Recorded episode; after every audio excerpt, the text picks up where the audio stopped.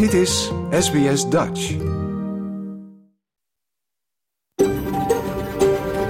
SBS, a world of difference. You're with SBS Dutch on mobile, online and on radio. Dit is SBS Dutch op mobiel, online en op radio. Graag erkennen wij de traditionele eigenaren van het land van waar we vandaag uitzenden. SBS Dutch betuigt haar respect aan de Camaragal mensen en hun ouderlingen uit het heden en het verleden. Ook erkennen we de traditionele eigenaren van alle Aboriginal en Torres Strait Islander landen van waar u vandaag naar ons programma luistert. Een hele goede morgen. Mijn naam is Paulien Roesink. Het is woensdag 7 december en u luistert naar SBS Dutch, het Nederlandstalige radioprogramma van SBS. Vandaag bellen we met sociaal-econoom Ellen Witte over de jaarlijkse Rental Affordability Index, die vorige week gepubliceerd is.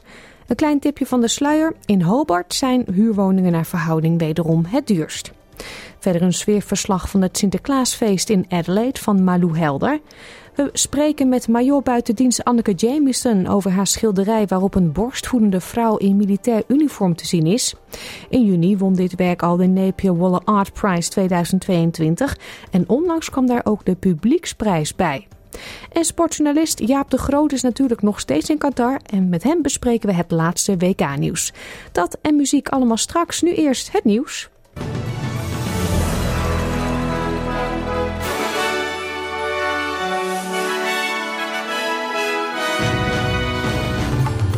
Dit zijn de headlines van het SBS Dutch Nieuwsbulletin van woensdag 7 december.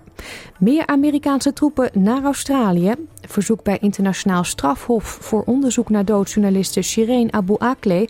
En alle kwartfinalisten WK voetbal bekend.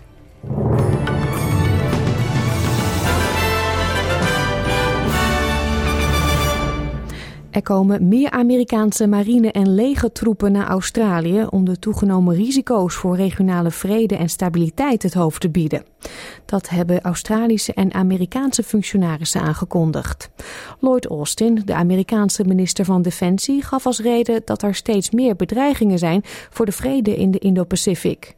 And we committed ourselves to concrete steps to deepen our cooperation in both diplomacy and defense. The United States and Australia share a vision of a region where countries can determine their own futures. Unfortunately, that vision is being challenged today. China's dangerous and coercive actions throughout the Indo Pacific, including around Taiwan, toward the Pacific Island countries, and in the East and South China Seas, threaten regional peace and stability. De Australische minister van Buitenlandse Zaken, Penny Wong, zegt dat het standpunt van Australië over Taiwan niet is veranderd. We collectively have, have a strong stake in preserving peace and stability uh, across the Taiwan Strait. Uh, and uh, Australia has made its view clear about the importance of uh, not there being no unilateral change to the status quo. And we value our long-standing unofficial relationship with Taiwan, underpinned by cultural, economic and people-to-people ties. Australië houdt zich aan het één-China-beleid, wat betekent dat Australië Taiwan niet diplomatiek als land erkent, maar onofficiële contacten onderhoudt ter bevordering van economische, handels- en culturele belangen. Het internationaal strafhof is gevraagd onderzoek te doen naar de dodelijke schietpartij op journaliste Shireen Abu Akleh. In mei werd zij doodgeschoten toen ze verslag deed vanuit een Palestijns vluchtelingenkamp. Nieuwszender Al Jazeera diende een formeel verzoek in bij de rechtbank, inclusief bewijsmateriaal. Dat bewijs staat volgens de zender haaks op het verslag van de Israëlische strijdkrachten, die zeggen dat de dodelijke schietpartij het gevolg was van kruisvuur van Israëlische soldaten. Al Jazeera's advocaat Rodney Dixon zegt dat de aanklager nieuw bewijsmateriaal heeft gekregen. The prosecutor now has a comprehensive body of evidence. We have over the last six months interviewed eyewitnesses who were there, who recorded it. Uh, we've also unearthed a whole lot of new footage that has come out from different angles, different places, showing what happened. Het nichtje van de journaliste zegt dat de familie de waarheid wil weten en gerechtigheid wil. We expect that the prosecutor would uh, seek uh, justice and truth, and we expect that the court will deliver uh, accountability and hold those responsible, uh, the institutions and individuals responsible, accountable for this heinous crime. Rusland en Oekraïne zeggen dat ze aan elke kant 60 krijgsgevangenen hebben uitgewisseld.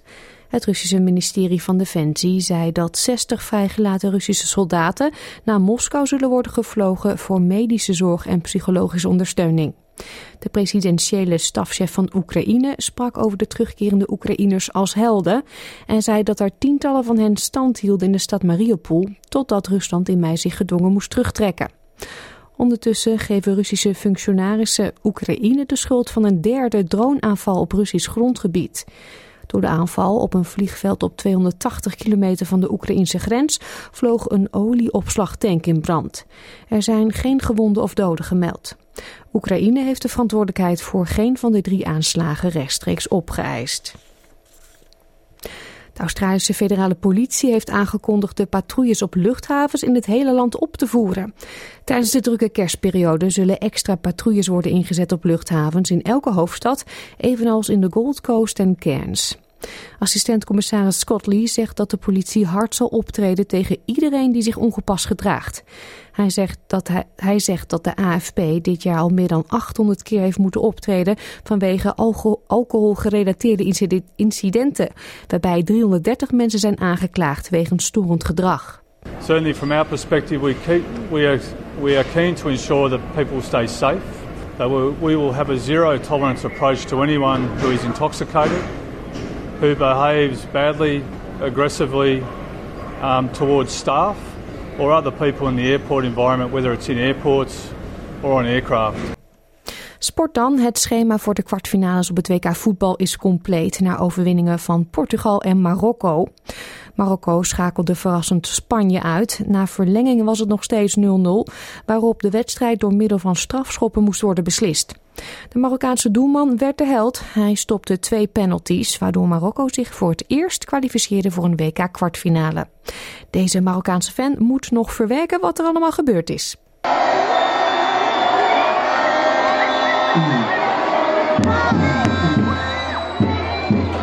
I'm speechless. I, it's on my nerves, but I'm so happy. We've never been here, and I wish them all the best. I'm really happy. Thank you so much. We love Portugal verpulverde Zwitserland met 6-1.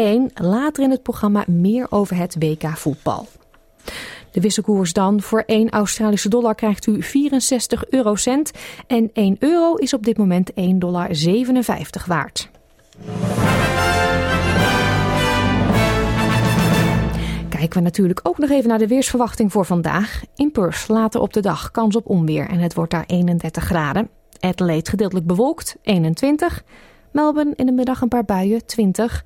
In Hobart ontstaan er in de loop van de dag buien, 19 graden daar. Het is overwegend zonnig in Canberra, 25. Wollongong gedeeltelijk bewolkt, 27. Ook in Sydney wisselen de zon en wolken elkaar af. Het wordt daar 29 graden. In Newcastle ontstaan mogelijk buien, 30. Het is zonnig in Brisbane, 32. In Cairns ook veel zonneschijn, 34. En in Darwin trekken een paar buien over, mogelijk ook met onweer. En het wordt daar 34 graden. Dit was het SBS Dutch Nieuws.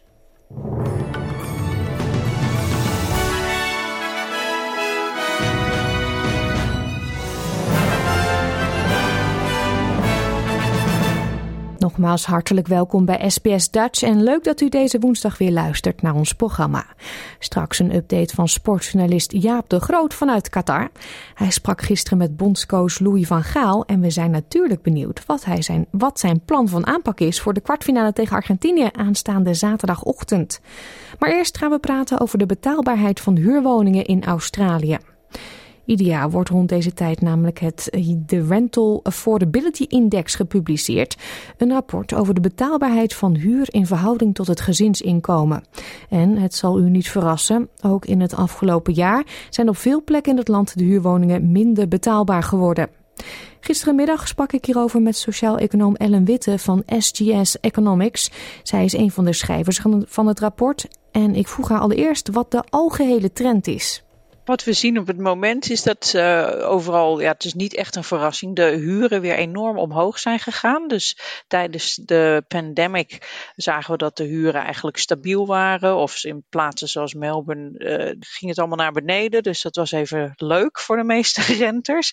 Maar dat is nu eigenlijk weer helemaal voorbij. Dus uh, wat we nu zien is dat in steden zoals Hobart, Canberra, Perth en Brisbane vooral daar is het nu erger dan voor de pandemic. En wat we ook zien is dat ik geloof vooral uh, Brisbane is echt op het weer zo slecht. Uh, ze hebben het nog een lange tijd niet meer gezien. Dus uh, ja, eigenlijk alle steden zijn weer waar ze eerst waren of nog slechter.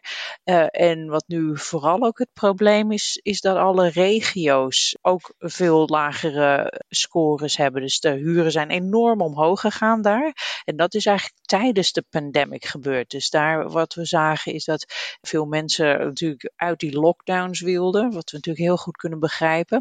Uh, en dat we zagen bijvoorbeeld in uh, eh, 2021, in het maartquarter van het jaar, zagen we dat er uh, meer dan 12.000 mensen uit de steden naar de regio's verhuisden. En 12.000 klinkt natuurlijk niet zoveel, maar voor regio's kan dat echt heel veel zijn. Dus als je maar een paar honderd huishoudens hebt die opeens naar een regio komen, dan verstoort dat de huurmarkt enorm. Dat hebben we nu gezien, vooral in alle plaatsen waar je mooi aan het strand zit of in het bos. Daar is het nu heel erg duur om te huren. En heel veel families die daar heel lang hebben gewoond, die uh, voelen nu echt de problemen daar. Ja, het is een soort van golfbeweging. Een combinatie van COVID, thuiswerken, we willen de natuur in en ja. rust. Met uh, dat de grote steden zo duur worden dat daar ook heel veel mensen het niet meer kunnen betalen. Dus opschuiven. En zo heb je zo'n golfbeweging. Ja, inderdaad. Ik denk dat dat een hele goede vergelijking is. En wat we nu dus zien, vroeger konden mensen nog zeg maar uh, die hoge huren ontsnappen door naar de regio's te verhuizen. En sommige mensen zeiden dat ook wel eens van nou, dan verhuis je toch naar de regio. En het was natuurlijk toen al een probleem, want daar zijn meestal niet waar de banen zijn. Dus uh, en nu kun je zelfs ook niet meer naar de regio's toe. Dus als je nu kijkt voor instance een uh, alleenstaande ouder die deeltijd werkt en ook deels uh, benefits krijgt, dat die nu op zijn minst 30% aan hun inkomen aan huur betalen in een regio of in een stad. In de stad kan het zelfs oplopen tot 70%, wat natuurlijk echt helemaal niet te doen is.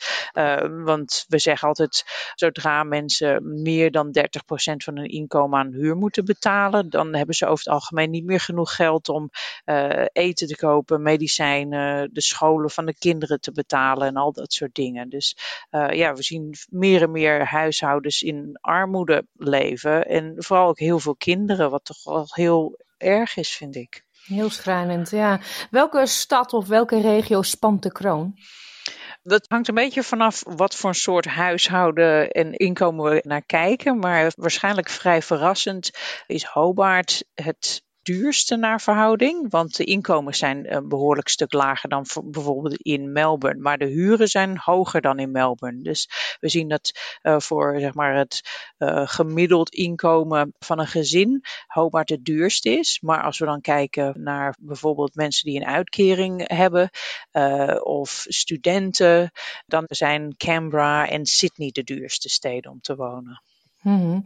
Het rapport is gepresenteerd in het parlement. Wat kan Canberra hieraan doen? Um, er is natuurlijk al heel veel wat ze al lang hadden moeten doen. Maar gelukkig heeft de overheid nu ingezien dat ze wat moeten doen. En samen met de States hebben ze toegezegd dat ze 100.000 sociale en betaalbare woningen gaan bouwen. Dus dat is hartstikke mooi. Dat is nog steeds niet genoeg als je kijkt naar de totale vraag voor dat soort huizen. Maar dat is natuurlijk wel een heel, hele goede start. En er zijn ook wat andere maatregelen die ze hebben uh, opgezet. Uh, bijvoorbeeld dat woningcorporaties beter aan geld kunnen kopen, kapitaal, om meer huizen te bouwen. Dus er zijn wel wat maatregelen onderweg. Dat is natuurlijk heel geweldig, maar dat zal in de korte termijn nog niet echt een verschil maken. Want dit gaat natuurlijk jaren en jaren duren voordat die huizen gebouwd zijn. Ja, en 100.000 woningen, dat klinkt niet als heel veel. Dat zei je zelf ook al, in al die staten verdeeld. Ja, dat is natuurlijk een druppel op een gloeiende plaat. Ja, misschien wel een klein beetje meer, want het is toch wel een behoorlijk aantal, honderdduizend huizen, maar het is inderdaad nog niet genoeg. Uh, er zal nog steeds veel meer gebouwd moeten worden. En dit is natuurlijk over tientallen jaren misgegaan. Uh, eh, 30 jaar geleden had je ongeveer 10% van de hele woningvoorraad was uh, sociale huisvesting. En nu is dat minder dan 3%, omdat er gewoon niet genoeg is bijgebouwd. Dus daar kan je al zien uh, dat het natuurlijk enorm veel werk is om dat allemaal bij te bouwen. En dat is meer dan 100.000 inderdaad. Is dit gewoon mismanagement of is er iets gebeurd in de laatste jaren wat men niet had kunnen zien aankomen? Um, er zijn een aantal dingen hier aan de, aan de gang. En natuurlijk een deel waarom het zo slecht is nu ook, is omdat natuurlijk het belastingklimaat heel erg aantrekkelijk is gemaakt voor investeerders in huizen. Maar voor mensen die een huis willen kopen, zijn die voordelen er niet. Dus dat heeft het hele huizenmarkt zeg maar scheef getrokken. De rijken worden ehm, steeds rijker eigenlijk. Juist, en, maar dat zijn best wel veel mensen. Uh, en dat zijn natuurlijk ook kiezers. Dus voor een lange tijd, en eigenlijk nog steeds, durven de politieke partijen daar niet aan uh, te tornen. Uh, wat echt een groot probleem is, want dat is echt waar, de, waar het totaal mis is gegaan. dat was rond 1999, geloof ik. Die laatste belastingmaatregelen waren geïntroduceerd. Um, zo langzamerhand hebben we natuurlijk meer en meer huurders in dit land. Dus er zijn nu al gebieden waar zeg maar de helft van de mensen huurt. En we zien dat daar de politici die van die gebieden komen, dat die echt uh, wel harder voor veranderingen in het belastingklimaat argumenteren. Dus uh, ja, we zullen het misschien over, over de lange tijd zien, maar het is een politiek spel. Mm-hmm. Ja, als je naar de kaart kijkt op de website, ik zal een link op uh, onze website zetten, dan zie je um, nou ja, uiteraard Melbourne, Sydney, die regio's, die zijn oranje, geel. Dus dat betekent dat het niet heel erg betaalbaar is, of eigenlijk zelfs onbetaalbaar. Maar uh, Broome, die kant, WA daar, dat is ook een hele dure regio.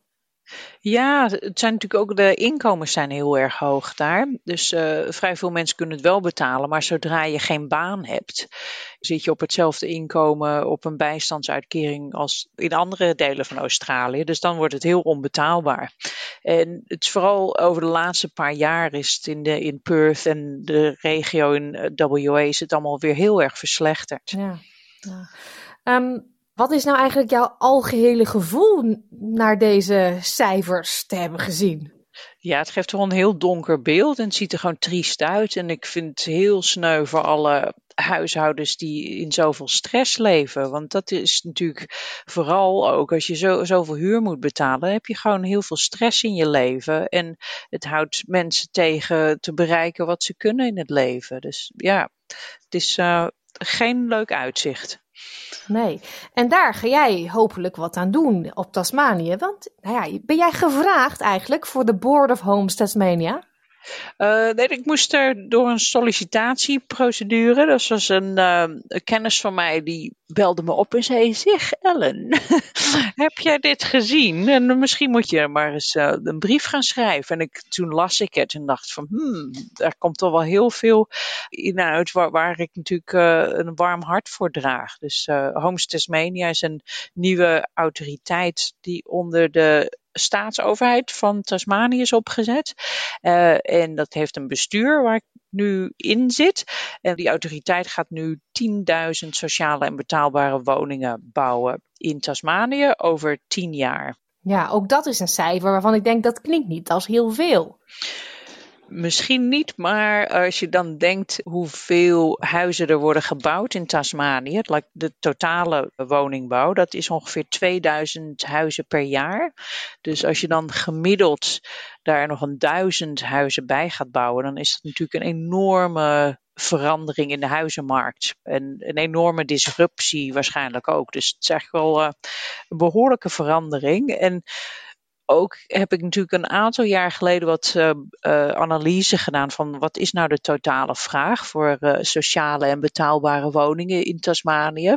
En dat is nu ongeveer alweer vier jaar geleden dat, dat ik die schatting maakte. Maar dat was ongeveer 10.000 huizen. Dus de situatie was toen natuurlijk nog niet zo slecht in Tasmanië. En moet ook mm. niet vergeten dat de bevolking van Tasmanië is maar iets van 500.000 mensen. Mm. Dus het is eigenlijk gewoon een grote stad hier. Ja, en wat wordt dan jouw uh, functie als bestuurslid? Gaan jullie adviseren waar, uh, wat voor huizen, dat soort dingen?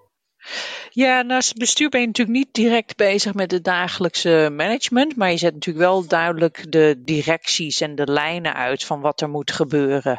Uh, en dan management in Homes moet daarop uh, gaan uh, leveren. En wij houden dat zeg maar in de gaten. En ook moeten we natuurlijk voor zorgen dat we de minister redelijk te vriend houden, want die zet zeg maar de verwachtingen en daar moeten wij natuurlijk dan op leveren. Mm-hmm. Ja, wanneer gaan de eerste huizen gebouwd worden hieronder Homes Tasmania? Uh, er zijn er al een, paar honderd op het moment aan het bouwen. Want het is natuurlijk Homes Tasmania is niet helemaal nieuw. Het was eerst een uh, department in de overheid. Maar nu is het een autoriteit op zichzelf. En de reden daarvoor is dat het wat sneller kan reageren en sneller hopelijk uh, die huizen kan leveren. Dus daarom is het nu een beetje op afstand van de overheid. Ja, dankjewel Ellen. Ik hoop dat we volgend jaar uh, iets positiever gesprek hebben. Ja, dat zou wel huurhuizen, woningen. Hè? Het zou wel eens leuk zijn. Ja. Um, voor mensen die de, die de interactieve kaart willen bekijken, die kunnen naar onze website gaan. www.sbs.com.au Dutch. Want daar zetten we een link. Oh, hartstikke mooi. Dankjewel Ellen. Graag gedaan. Bent u al bijgekomen van afgelopen weekend? Het weekendje van het heerlijk avondje. Sinterklaas werd op veel plekken in het land gevierd. En de Goede Heiligman bracht afgelopen weekend ook onder meer een bezoekje aan de Dutch Pantry in Adelaide.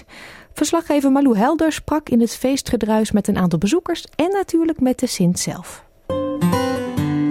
SBS Dutch, woensdag en zaterdag om 11 uur ochtends of online op elk gewenst tijdstip.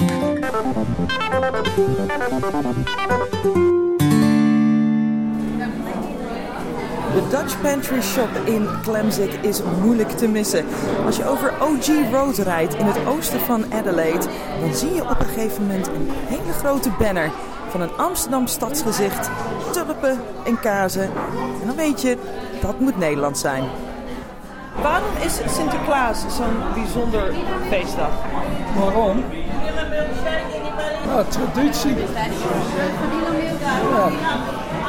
Keep up the old traditie. What is your favorite part of Sinterklaas? Do you celebrate it at home as well? Um, yeah, normally we say Santa Claus because we're not we're not so much that, but we just like the present part of it. That's fair enough. Wat is jouw naam? Carola is mijn naam. En waar in Nederland kom je vandaan? Uh, Meerkerk.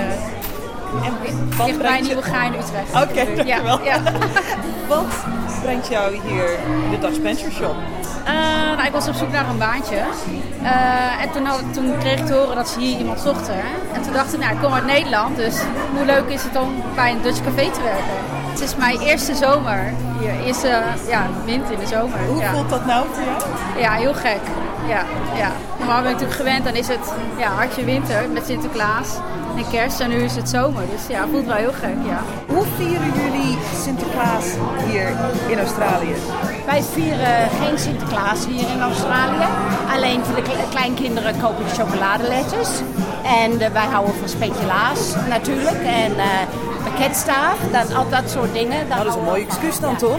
Wat zei je? Dat is een mooi excuus om dat ja, even lekker in te slaan. Ja, klopt. En frikandellen en kroketten. En, ja. I'm seeing that you're holding a few paper noten. It's the time of the year, isn't it? That's right, yes. Are you excited that Sinterklaas is about to come? That well, my husband's Dutch. I'm, I'm Australian. Ah, okay. what do you think of this? Uh... Oh, it's magnificent, isn't it? It's beautiful here. Yeah. What's, what's your favourite part about the Sinterklaas party? Well, we came for the Ollie bottle. Oh, very home. nice. Original. It's got even got the raisins in it. Het is wel duidelijk dat het feest niet alleen is voor de Nederlanders hier in Adelaide. Iedereen mag meedoen. It's my first time I've been here for this Dutch Christmas and yeah, it's just beautiful. The atmosphere is lovely, the food's fantastic. And um, we also got some children's games as well set up out the back, so at the front there. You're having a grand time, eh? we are having a great time, sorry. and, and you, sir, um, what do you think of today? Uh, it's lovely turnout, lots of people. The turnout good, the food's lovely, good company. It's great. So, are you of Dutch heritage at all? No, no, I'm, I'm Maltese. Uh, my wife's Italian. I'm English. I'm British. British, English, yes. Fantastic. So, what brings you here then? Uh, we know the owners, friends of the owners of this It's also place. a really beautiful, happy place as well. And it's a happy place, yeah, it's lovely. So, this is the first time you're celebrating Sinterklaas. He's about to arrive. What What do you expect? I, I expect basically what's here. It's just, yeah, I think it's as Lots it of is. joy and happiness, Joy children and having a great time. And Santa. Oh, Santa Claus. Ja, very good. En dan eindelijk is het zover. De Sint komt aan hier in de Dutch Pantry Shop met zijn pieten. En de kinderen worden overladen met pepernoten. En Sinterklaas wordt overladen met aandacht. Ik zit op dit moment naast de Goedheiligman. En Sint, u heeft een hoop lieve kinderen net gezien, hè? Absoluut, absoluut. We hebben net Max gehad en we hebben Leo gehad en uh, daarnet Fleur en Vivi. Als u om, om zich heen kijkt, hè, de, de hele ruimte is gevuld met eh, eh, liefhebbers van de Sint, jong en oud. Absoluut, absoluut. Kijk, en er zijn natuurlijk ook um, oudere kinderen hier die in de jaren 1950 en 1960 hier naartoe zijn gekomen. die ik mij nog goed kan herinneren van toen ik, in ik ze in Nederland nog cadeautjes heb gegeven. Dus het is leuk om al die kinderen weer te zien als ze groot geworden zijn en ondertussen hun eigen families hebben en, en dan ook met hun kinderen weer hier naartoe komen. Ja, ja dat is wel erg fijn. Heeft u nog tips voor uh, de kinderen hier, hoe ze het allerbeste Sinterklaas kunnen vieren in Australië? Zorg dat je je schoen blijft zetten. Dat is natuurlijk de beste manier om lekkere pepernoten en andere lekkere dingen te krijgen. En vraag af en toe eens aan je ouders of misschien Sinterklaas dit jaar op 5 december langs kan komen. We zitten met een tijdsprobleem natuurlijk. Soms komen we, komen we op 6 december, soms komen we op 4 december. Maar we zorgen altijd dat we in Australië nog een keertje langskomen. Ja, ja, ja, ja. Wat is uw favoriete lied, Sinterklaaslied? Um, nou, eigenlijk uh, meestal het aankomstlied. Kijk, ik, ik vind het altijd wat jammer om weer te vertrekken. Um, dus um, uh, zie ginds komt de stoomboot, is altijd een van, uh, een van mijn favorieten. En daar wordt aan de deur geklopt. Dat vind ik ook altijd fijn, want dan betekent dat ik daadwerkelijk aan de deur kan kloppen natuurlijk. Dat is, dat is al, nou ja, tegenwoordig, mijn, mijn handen worden wat oud, dus tegenwoordig doet een van de pieten doet echt kloppen natuurlijk. Uh, maar uh, ja, daarnaast ja, proberen wij natuurlijk al bij mensen ook nog langs te gaan. U bent nog een paar dagen in het land. we mogen nog een paar dagen u vieren. Heeft u nog een speciale boodschap voor de luisteraars? Nou, kijk, de Sint is natuurlijk een grote kindervriend. En wat ik hoop en wens is dat ouders goed voor hun kinderen zorgen. Dat kinderen lief zijn voor hun ouders, want die proberen goed voor hun te zorgen. En dat we met z'n allen de wereld een klein beetje een betere plek maken. Dat zou uiteindelijk een heleboel dingen heel veel fijner maken. Dank u wel, Sint. Graag gedaan. En veel, veel succes, Marloes. En we hebben natuurlijk ook wel wat cadeautjes voor jou klaar. Oh, ik kan niet wachten. Hartstikke bedankt. Thanks, Piet. Thank you very much. Thank you. Have a lovely day. En zoals u kon horen aan het muzikale achtergrondgeluid bleef het nog heel erg lang gezellig in Adelaide. U hoort een bijdrage van verslaggever Malou Helder.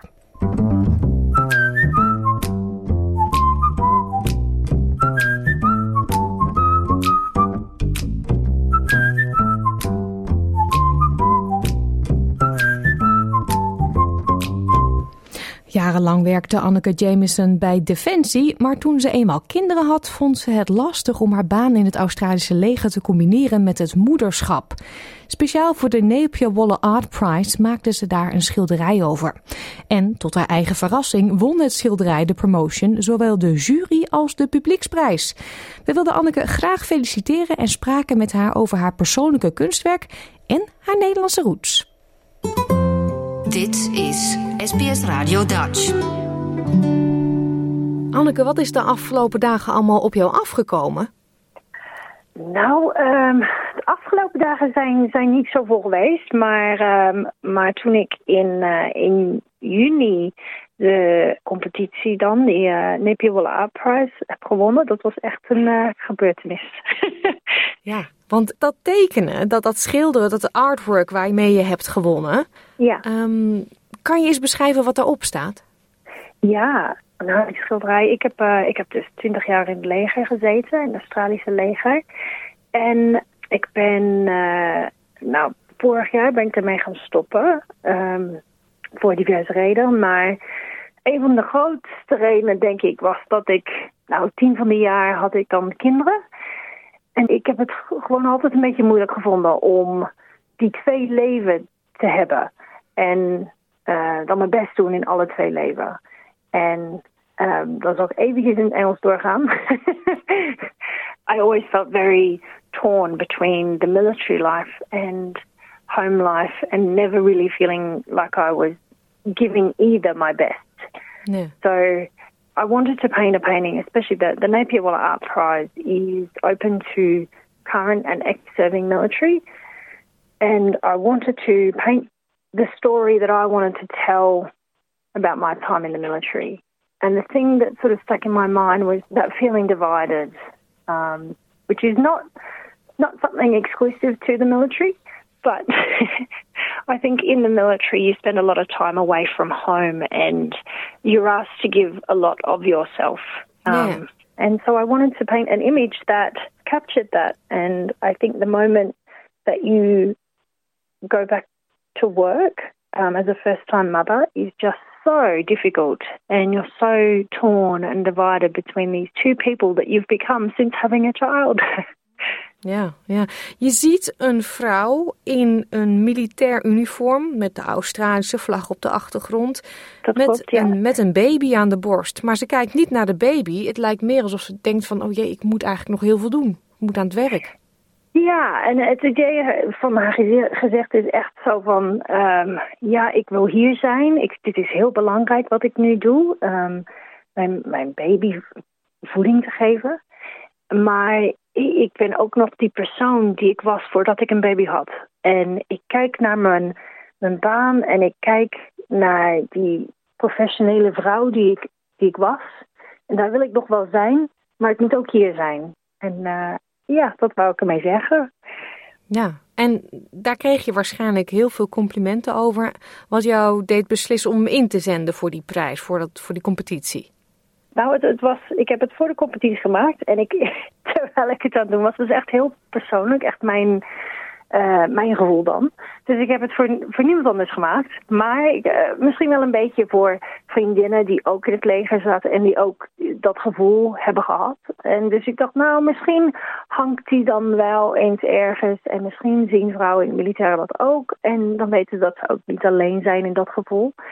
Uh, maar dat is dus uh, een beetje groter gegaan. En nu heeft iedereen het gezien. en en uh, ja, the feedback has been incredible. And I'm just so blown away and so happy and, and just so humbled that so many women and even men have identified with, with her and with that feeling. -hmm. Ja, want uh, het bijzondere is, is dat jij dus niet alleen de Napier Prize hebt gewonnen, maar ook de People's Choice Award. Dat, is nog niet eerder ja. voorgekomen, heb ik begrepen. Dat is niet eerder voorgekomen. En uh, het, het, is ook ja, de, de, eerste keer dat, dat ze alle twee. Um, nou, de, de judges, er zijn zo'n zeven of acht judges. En die kennen daar wat dan, dan wel wat van, van kunst. en die hebben soms wel een ander idee van uh, nou, het, het, het, publiek dan. Maar uh, ja, dus de eerste keer dat het publiek hebben ook gezegd van nee, dit is het. Ja. Dit is, dit is die schilderij die wint. ja, en waar hangt het schilderij nu? Het heeft uh, de laatste um, zes, nou, vijf maanden in uh, Parliament House gehangen. En um, het gaat nu hopelijk ergens in uh, de Australian War Memorial hangen. Ja, in Canberra. In Canberra, dat klopt, ja. ja. Ben je ook uitgezonden geweest toen je al kinderen had? nee, nee. En dat, dat zijn door mijn, mijn eigen keuze dan in het militaire. Um, mijn man uh, is ook het militaire. En hij is dan wel um, uitgezonden terwijl we kinderen hadden. En um, ik ben niet uh, naar het buitenland geweest. Ik heb wel zo'n zo'n 18 weken bij elkaar, geloof ik, uh, gestudeerd in andere staten. Terwijl mijn kinderen thuis zaten met hun vader. En dus, ja, het is gewoon hartstikke moeilijk. Maar uh, door mijn eigen keuze was ik dan niet uitgezonden. Nee. Um, mensen zullen misschien wel denken, Anneke Jameson, Australisch leger, maar zij spreekt hartstikke goed Nederlands. Laten we het daar ook even over hebben, want jouw meisjesnaam is Kerklaan, nou dat verraadt het dan al. Um, ja. Je bent geboren in Australië, maar toch ook deels opgegroeid in Nederland, hè? Ja, dat klopt. Mijn, uh, mijn vader die was Nederlands en die, die woont in Australië, heeft mijn moeder ontmoet. En uh, ja, ik, ik, was geboren en mijn vader die zei van ik wil, ik wil dat uh, Anneke ook wat van mijn cultuur kan zien en leert. En ook, ja, hij heeft een hele grote familie in Nederland. Dus nou, met mijn derde zijn we met z'n allen naar Nederland verhuisd. En ik heb in, in Schiedam op school gezeten. Een gewoon Nederlands meisje geworden. En dan met, met mijn twaalfde jaar zijn we weer terug verhuisd naar Australië. Omdat mijn moeder, die, die, die, vond het Nederlandse hogere school een beetje confusing. Ja, de middelbare school, dat zag ze niet helemaal zitten, dat systeem. Waarin alle niveaus gesplitst worden. Hier zit alles dat en iedereen klopt, bij elkaar ja. natuurlijk. Ja, ja, en dan, ik geloof, heette dat dan die, een CITO-toets? Ja. Ja. Uh, die in groep 8? Ja, en, um, en mijn moeder die zei van, ja, die kan ik mijn hoofd helemaal niet omheen krijgen. Uh, ik wil gewoon dat ze naar Australië gaat en in Australië op high school zit. Wat geestig, ja. Ik heb dat ja. juist andersom, komende uit Nederland en nu hier geconfronteerd worden met het onderwijs. dat is geestig. Ja. Hoe was die omschakeling voor jou? Want je zegt al een heel erg Hollands meisje. Waarschijnlijk ging je lopend of fietsend naar school. Dat, dat is klopt, hier ja. toch anders. Schaatsend. Schaatsend, precies. Uh, koude winters, uh, lange zomeravonden en dan in één keer weer terug in Australië. Hoe was dat voor jou?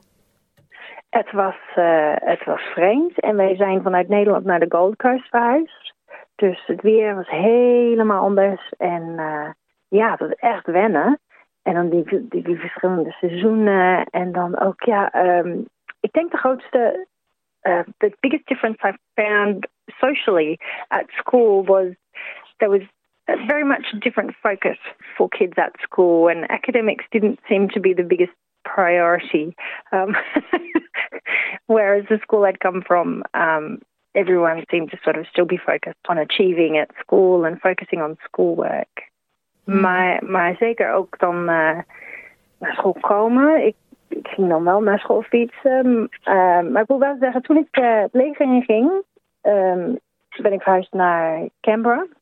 En het weer hier, dat, uh, dat bevalt me gewoon een beetje beter.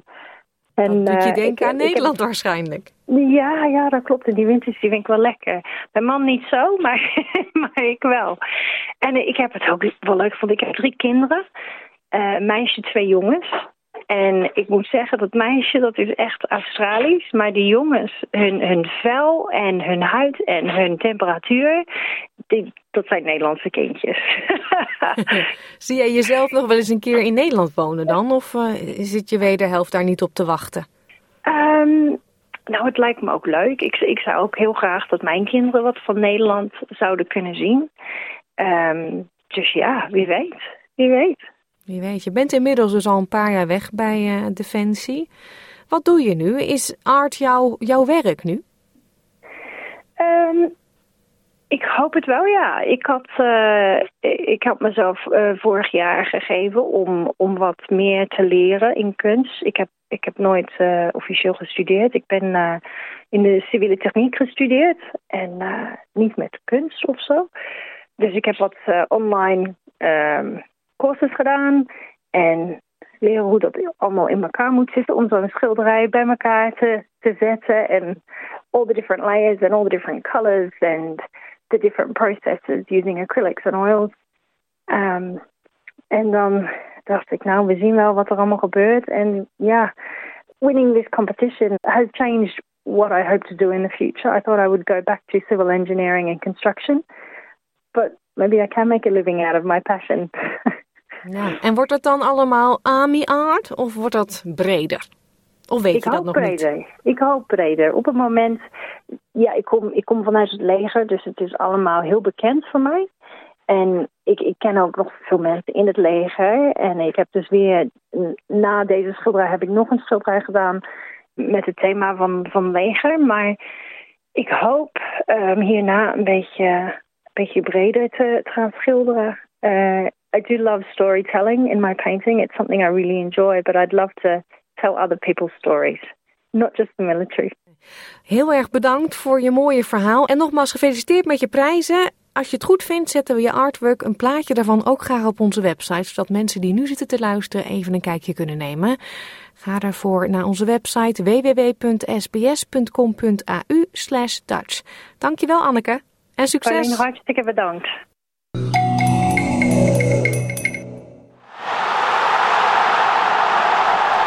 你还。Drie nachtjes slapen tot de WK-kwartfinale van Nederland tegen Argentinië. Jaap de Groot is nog steeds in Qatar en had gisteren een ontmoeting met bondscoach Louis van Gaal. Die vertelde hem dat hij het strijdplan voor de Argentijnse sterspeler Lionel Messi al klaar heeft. En vanmorgen belde ik met Jaap en we spraken allereerst de wedstrijd Marokko-Spanje en Portugal-Zwitserland. En die was toen nog niet afgelopen. Jouw gemeenschap, jouw gesprek, SBS Dutch.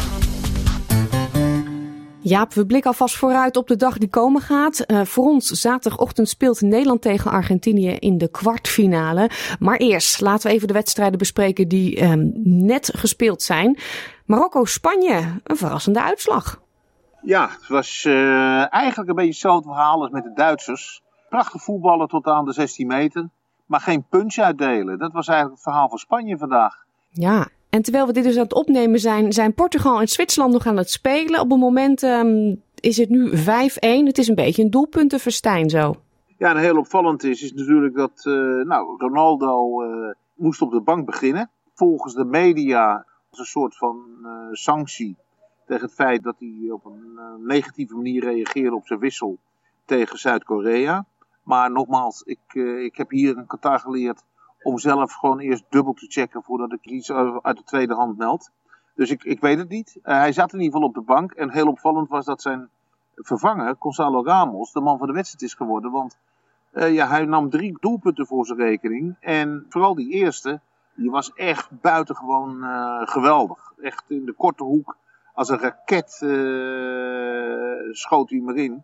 Uh, hij kreeg eigenlijk ook een publiekswissel een kwartier voor tijd. Maar uh, de invaller was dus Ronaldo. Ja, wat dat betreft heeft, uh, heeft het elftal laten zien dat ze ook zonder Ronaldo tot bijzondere prestaties in staat zijn. Sterker nog, ze hebben hun beste wedstrijd van het toernooi gespeeld. Ja, ja. Laten we het ook over het Nederlands elftal hebben, want dat willen de mensen graag horen natuurlijk. Jij had vandaag een onderontje met Louis van Gaal, de bondscoach.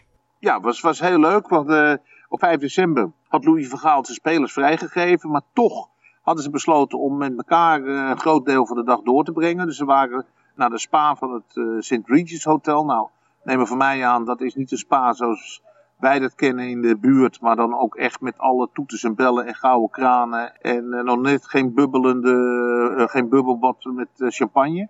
Maar wel heel exclusief. En vervolgens zijn ze nog op een jacht de zee opgegaan. En hebben een hele leuke dag gehad. Nou, en Louis had zich een beetje geïrriteerd aan het feit dat na wedstrijden van het Nederlands elftal uh, de Nederlandse pers eigenlijk niet aan bod kwam. Dat, dat steeds uh, vragen door buitenlandse journalisten gesteld konden worden. En had gewoon gezegd, nou, we gaan lekker koffie drinken en we gaan uh, gewoon een beetje vrijuit relaxed praten over de stand van zaken tot nu toe. En we hebben van alles en nog, nog wat besproken. En wat je gewoon merkt is dat Louis Vergaal op dit moment voor zijn spelers staat. Ik weet dat hij niet tevreden is over optreden van sommige jongens, maar dat zal hij naar buiten toe niet laten blijken. Dat moet ook wel, want ze voeren zijn systeem uit. En het dilemma hierbij is, is dat Louis Vergaal afwijkt van de speelstijl van de meeste clubs waarvoor de spelers uh, uitkomen. En dwingt daardoor zeker vijf spelers in een andere stijl uh, te functioneren. En hij gaf vanochtend wel toe dat hij daarmee een risico genomen heeft. Maar volgens hem is dat de enige manier om hier succes te, te boeken. En uh, ja, goed, uh, hij wordt erop afgerekend. Dus ja, uh, wie zijn wij dan om te zeggen van je moet het anders doen. Het is zijn taak, hij wordt ervoor betaald en hij wordt er ook op afgerekend. Ja, en hoe ziet hij Argentinië tegemoet? Nou, kijk, het is tegenwoordig zo, ik merk het ook in de Formule 1. Op het moment dat de ene wedstrijd is afgelopen, begint de voorbereiding op de volgende wedstrijd. Dus eigenlijk een dag na Nederland-USA weet iedereen al binnen de, spelersgroep hoe er tegen Argentinië gespeeld gaat worden. En dan gaan ze stapsgewijs gaan ze daar naartoe leven. Dus dat is momenteel ook gaande. En uh, ja, je, je zit alleen, wat ik al aangaf, waar je toch een beetje tegen aanhikt, is in 2014 heeft Nederland weliswaar de halve finale gehaald en is derde geworden op het WK in, uh, in Brazilië.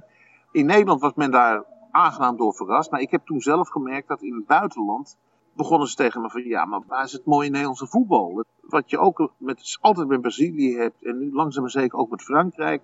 Als die teams in actie komen, heb je toch altijd iets. Nou, we gaan nu een fijne uh, voetbalavond hebben met z'n allen. Dat heeft de wereld ook met Nederland. Nou, in 2014 was het resultaat er wel, maar niet het mooie Nederlandse voetbal zoals ze dat uit de jaren 70 uh, aan de wereld is geïntroduceerd. In 2018 in Rusland waren we niet gekwalificeerd. Ja, en nu is het 2022 en het swingt nog niet bepaald. We hebben wel resultaten geboekt, maar het swingt niet. En ik vind het een beetje wrang om vast te stellen. Stel dat je uitgeschakeld wordt tegen Argentinië. Dan verlaat je toch een beetje als grijze muis het toernooi. In feite heb je dan 12 jaar, heeft de wereld niet het Nederlands gezien. Wat ze zouden willen zien. Ja, en dat, ik weet niet, je hoopt toch altijd op een soort van legacy na zo'n toernooi als deze. En daarom hoop ik ook dat, dat tegen Argentinië iets van het oude Nederlands elftal te zien krijgen. Maar zijn wij Nederlanders niet gewoon veel te kritisch? Want ik kreeg letterlijk vanmorgen, toen ik hier de redactie opliep, de vraag: ik hoor dat de Nederlandse pers allemaal zo negatief is over jullie team. Waarom? Jullie zijn toch door? Ja, ja, nou ja, daar hebben ze een punt. Maar ik moet je zeggen, dat hoor ik niet eigenlijk als een collectief geluid hoor. Maar ik heb ook met mensen uit Nederland gesproken, die zeggen ook ja, uh, wat maakt mij wat uit? We hebben drie keer uh, de schoonheidsprijs uh, gewonnen, maar een finale verloren. Ik wil nou wel eens een keer een WK-finale winnen. Nou, oké, okay, oké, okay, dat, dat, daar, daar, valt ook nog wat voor te zeggen. Ja, en als, en als ze winnen, dan nou ja, heeft goed, niemand het er meer over dat het zo lelijk was natuurlijk.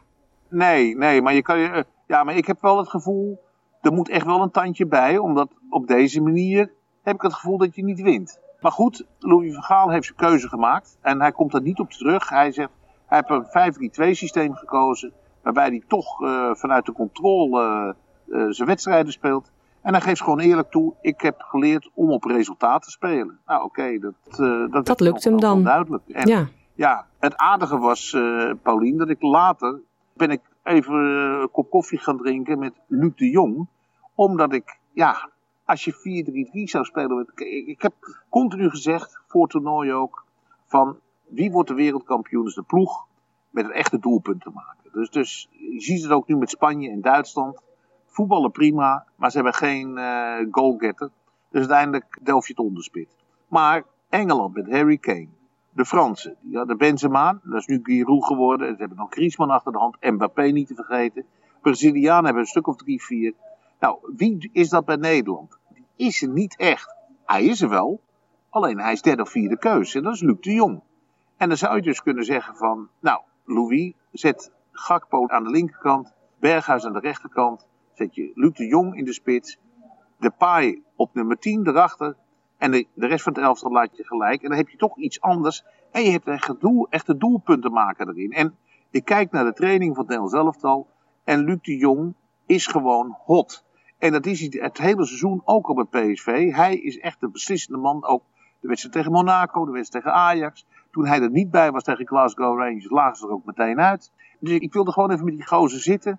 Om te kijken hoe hij dat proces ondergaat. En het was een buitengewoon interessant gesprek, moet ik zeggen. Waaruit blijkt dat hij, dat je tegenover een echte professional zit. Hij, hij gaf aan, ik heb een eerlijk gesprek met Louis Vergaal gehad. Waarbij hij tegen me gezegd heeft, jij bent mijn pinchhitter in geval van nood. Waarop ik gezegd heb, ja, maar ik heb toch wel laten zien inmiddels dat ik een 90 minuten voetballer ben. Die een beetje zoals Harry Kane bij Engeland kan functioneren. Nou, ik heb eh, de bondscoach daar niet van kunnen overtuigen. Dat kwam bij mij heel hard aan. Maar ik verzaak niet, want als ik met PSV speel en we hebben een vastloper, dan hoop je ook dat er kwaliteit op de bank zit die de wedstrijd kan laten kantelen. Dus ik ga er ook vanuit dat spelers die nu in de basis staan, dat ook van mij verwachten uh, op het moment dat ik het veld in kom. Dus ik moet gewoon zorgen dat ik er klaar voor ben. Ik zeg, nou, maar heb je daarna nog met Van Gaal gecommuniceerd? En dat vond ik wel heel bijzonder.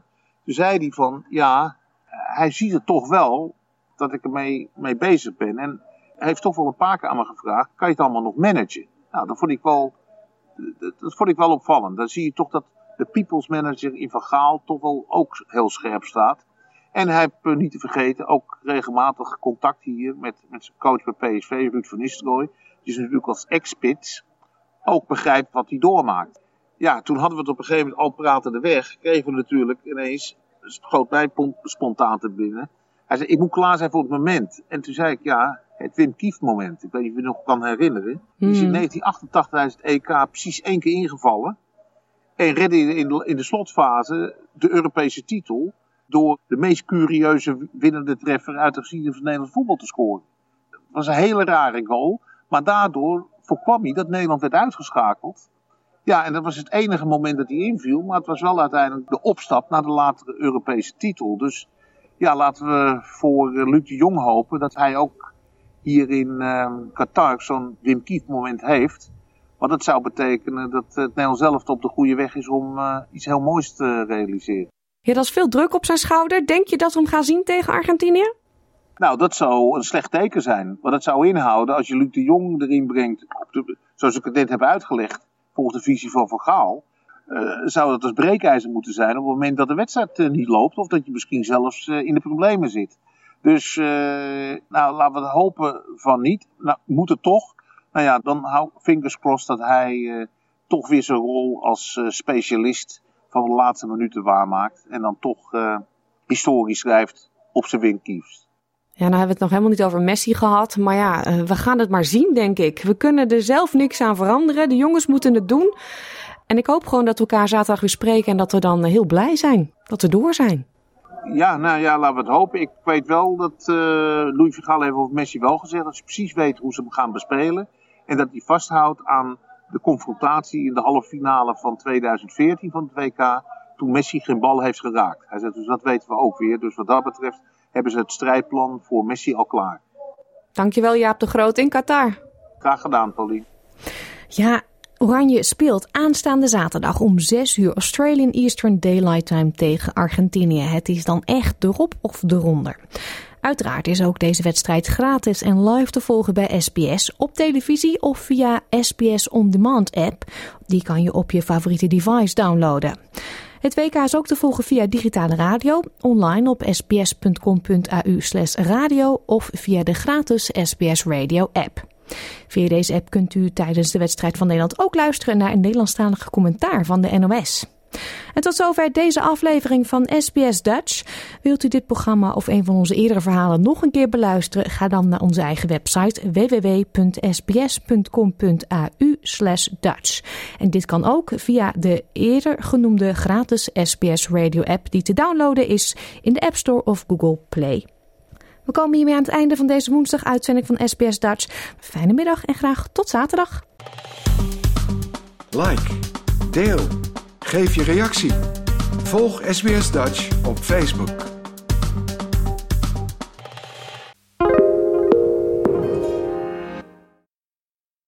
SBS is Australia's most trusted multilingual broadcaster.